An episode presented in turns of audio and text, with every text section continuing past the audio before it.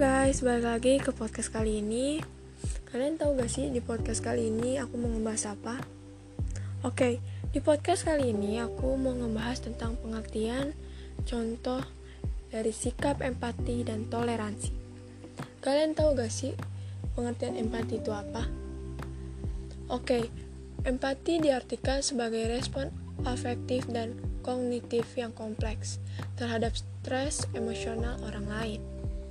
Empati mencakup kemampuan untuk merasakan keadaan emosional orang lain, merasakan simpatik dan mencoba menyelesaikan masalah dan mengambil perspektif orang lain.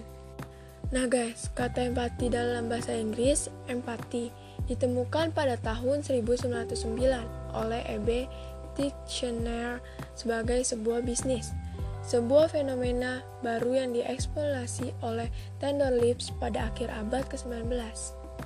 Sesudah itu diterjemahkan kembali ke dalam bahasa Jerman sebagai empati dan dipakai di sana. Oh ya, di sini aku ingin ngasih tahu contoh-contoh empati.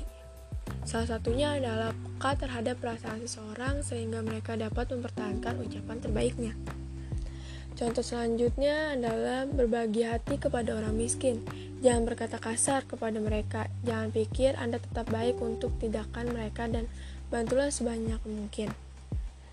Oke, yang kedua aku akan membahas tentang toleransi.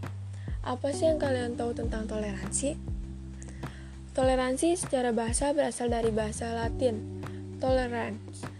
Toleransi berarti sabar dan menahan diri. Toleransi juga dapat berarti suatu sikap saling menghormati dan menghargai antar kelompok atau antar individu. Sikap toleransi dapat menghindari terjadinya diskriminasi, walaupun banyak terdapat kelompok atau golongan yang berbeda dalam suatu kelompok masyarakat.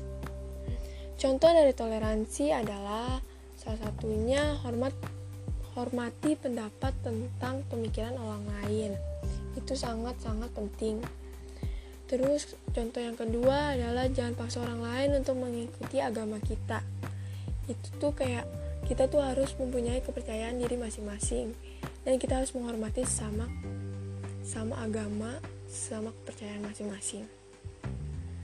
Itu adalah contoh sikap empati dan toleransi pengertian toleransi dan empati. Berikut proses kali ini apabila ada salah-salah kata mohon dimaafkan.